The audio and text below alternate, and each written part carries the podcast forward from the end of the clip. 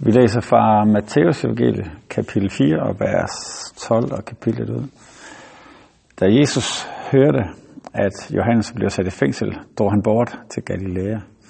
Men han forlod Nazareth og kom og bosatte sig i Kapernaum ved søen, i Sebulons og Naftalis land, for at det skulle opfyldes, som var talt ved profeten Esajas, der siger, Sebulons land og Naftalis land, vejen langs havet, landet på den anden side af jorden, og folkeslagenes Galilea. Det folk, der sad i mørket, har set et stort lys, og de, der sad i dødens land og skygge, for dem brød lyset frem. For dag begyndte Jesus at prædike, omvend jer, for himmeriget er kommet nær. Da Jesus gik langs Galilea, så han to brødre, Simon kaldet Peter og hans bror Andreas, i færd med at kaste net i søen, for de var fiskere. Han kom til.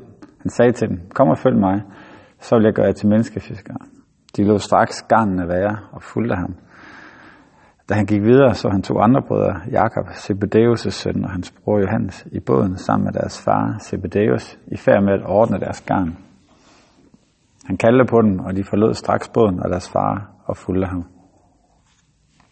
Jesus gik omkring i hele Galilea, underviste i deres synagoger, prædikede evangeliet om riget og helbredte al sygdom og lidelse blandt folket. Og rygtet om ham nåede ud i hele Syrien, og de kom til ham med alle, der led af forskellige sygdomme, var plaget af lidelser, med besatte, månesyge, lamme, han helbredte dem. Og store folkeskare fulgte ham fra Galilea, Decapolis, Jerusalem og Judæa og fra den anden side af Jordan. Yes.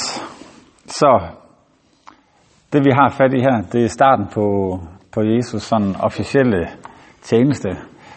Øh, jeg tror, det er Markus Evangeliet har sådan en, øh, eller så Lukas har en formulering. Han, han er lige været ude i ørkenen og blev fristet, som vi læste sammen i går. Og der står, at han blev let. Fyldt af ånden tog han ud i ørkenen. Og så står der, at han vendte tilbage i åndens kraft. Øh, så der er sådan et skift i et af at være fyldt, og anden at komme tilbage i åndens kraft.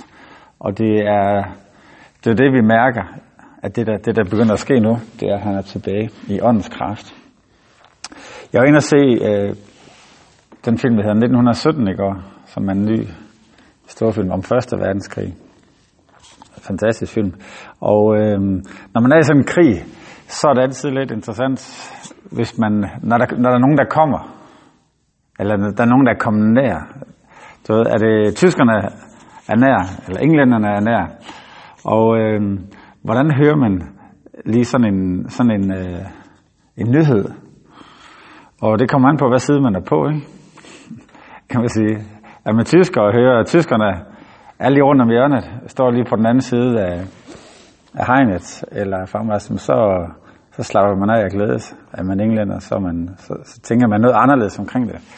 Og det, som Jesus han gør her, det er, at han går frem, og så begynder han at prædike budskabet omvendt fra himmeriget er kommet nær. Og det er samme, egentlig samme øh, som der står omkring Johannes, hvad han også sagde, at himmeriget er kommet nær. Så himmeriget er kommet nær. Der er noget, der er, der er på vej, emerging.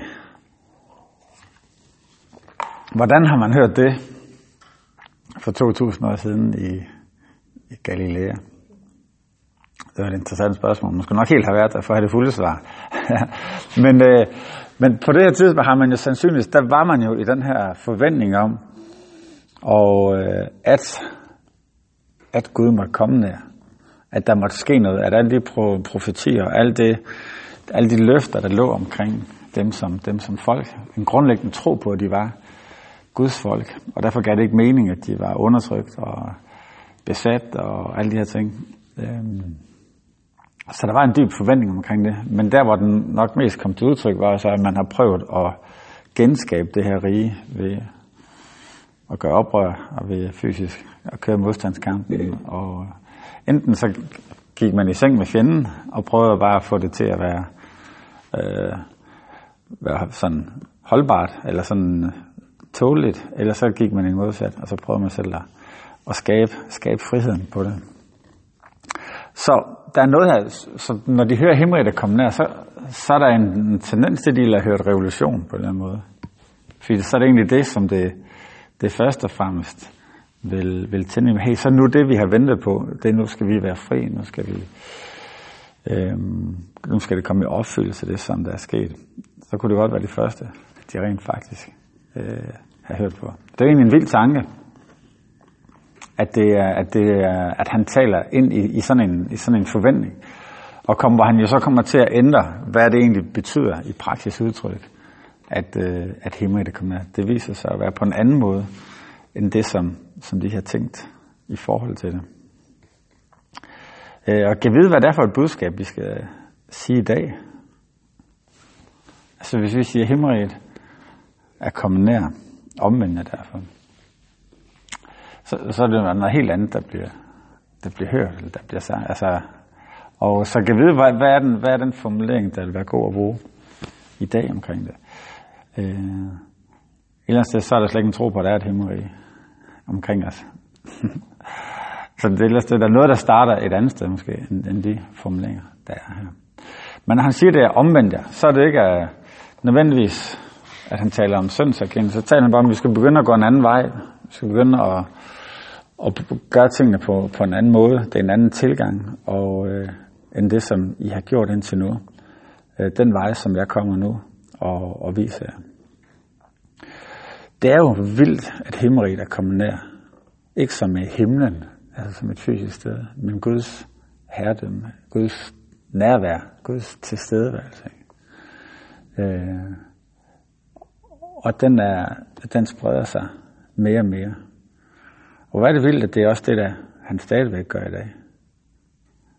At han snæver ud af, at han har al magten. Så man siger, Guds rige er der, hvor hans, det er der, hvor hans, kan man sige, hvor hans vilje sker. Og øhm, det kan vi mærke i vores liv. Det er noget, der forhåbentlig, eller at der sker mere og mere, eller hvor vi og kan have vores kamp med det. Men det er også egentlig for hver gang, at, der, at vi lægger os ind under ham, så, så udvides hans herredømme egentlig. Og mere og mere kommer til at ske i hans, i hans vilje, i hans navn. Øhm, så kalder han de her disciple. Det er jo sådan en, øh, det er sådan en drøm, ikke? Hvis det var sådan, vi kunne evangelisere. Bare, kom, okay, jeg er med. jeg er klar. Følg mig. Den, den er der. De er totalt på. Og øh, han, han laver det her simple, følg mig. Og øh, de står jo midt i deres øh, business øh, som selvstændige i familievirksomheden og arbejder og tjener til dagen og vejen på den måde, som nu skal. Og så kommer ham, som de sandsynligvis har hørt om eller mødt også tidligere, siger, følg mig. Som rabbi, så kalder han dem. Og så virker der ikke til at være noget tvivl. Så det er den vej, den vej de går. Og, øhm, og det kald er jo bare blevet ved med at være der siden, ikke? Følg mig. Og, øhm, og, og siden der, så har millioner af mennesker, på trods af, hvad der kunne give mening, eller på trods af, hvad der give flest penge, så har de opgivet, hvad de ellers gjorde. Blev præster, blev munke, begyndte at leve efter nogle andre værdier, begyndte at tage valg, som ikke nødvendigvis fik flere penge i deres retning, som gjorde deres liv mere usikkert, flyttede steder hen, hvor de ikke havde regnet med, øh, begyndte at have relationer med nogen, de ikke, de ikke kendte. På så mange måder, på, på så forskellige vis, så har folk lyttet til det her, følg mig. Og så er, det, så er det bare skabt nogle helt andre prioriteter. Øh, og vi kan måske selv her til morgen tænke, hvad er det egentlig, det har gjort ved os, at vi har hørt den, følg mig. Øh, nogle gange er det som en stille øh, fornemmelse, der er kommet hen over tid. Andre gange har det været som en øh, som sådan mere klar, hey, det er det her, jeg skal. Nogle gange har det givet så meget mening, vi bare har trådt ind i det, uden at tænke over det. Nogle gange har det kostet kamp for at få nogle prioriteter på plads, eller hvad, hvad det kan være, eller hvad er det egentlig, der er vigtigt, eller er det ham, der siger det? men, men alligevel hver gang, jeg tror ikke, der er nogen, der har haft fornemmelsen af, at de faktisk fulgte Jesus, der kommer til at fortryde det. For der er bare en anden værdi, der er et andet liv, som ligger der, hvor løfterne ligger på en helt anden end det, som vi kan vi kan selv skrabe os sammen,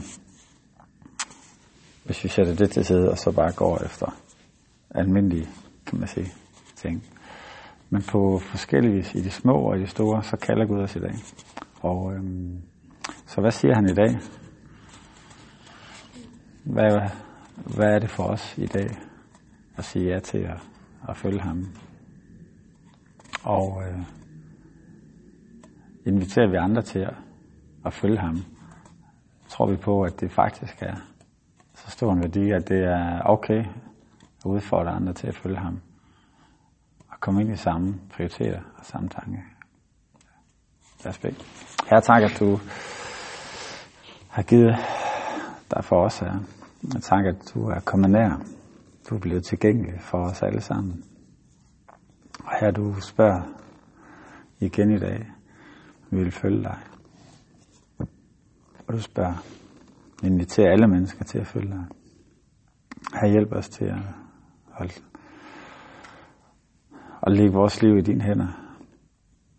Her hjælp os til også at turde invitere andre til at, at følge dig i tro på, at det er, det er der livet er. Her det er der, vi har fat i essensen af, hvem vi er, hvad vi er. Det takker jeg dig for i Jesu navn. Amen.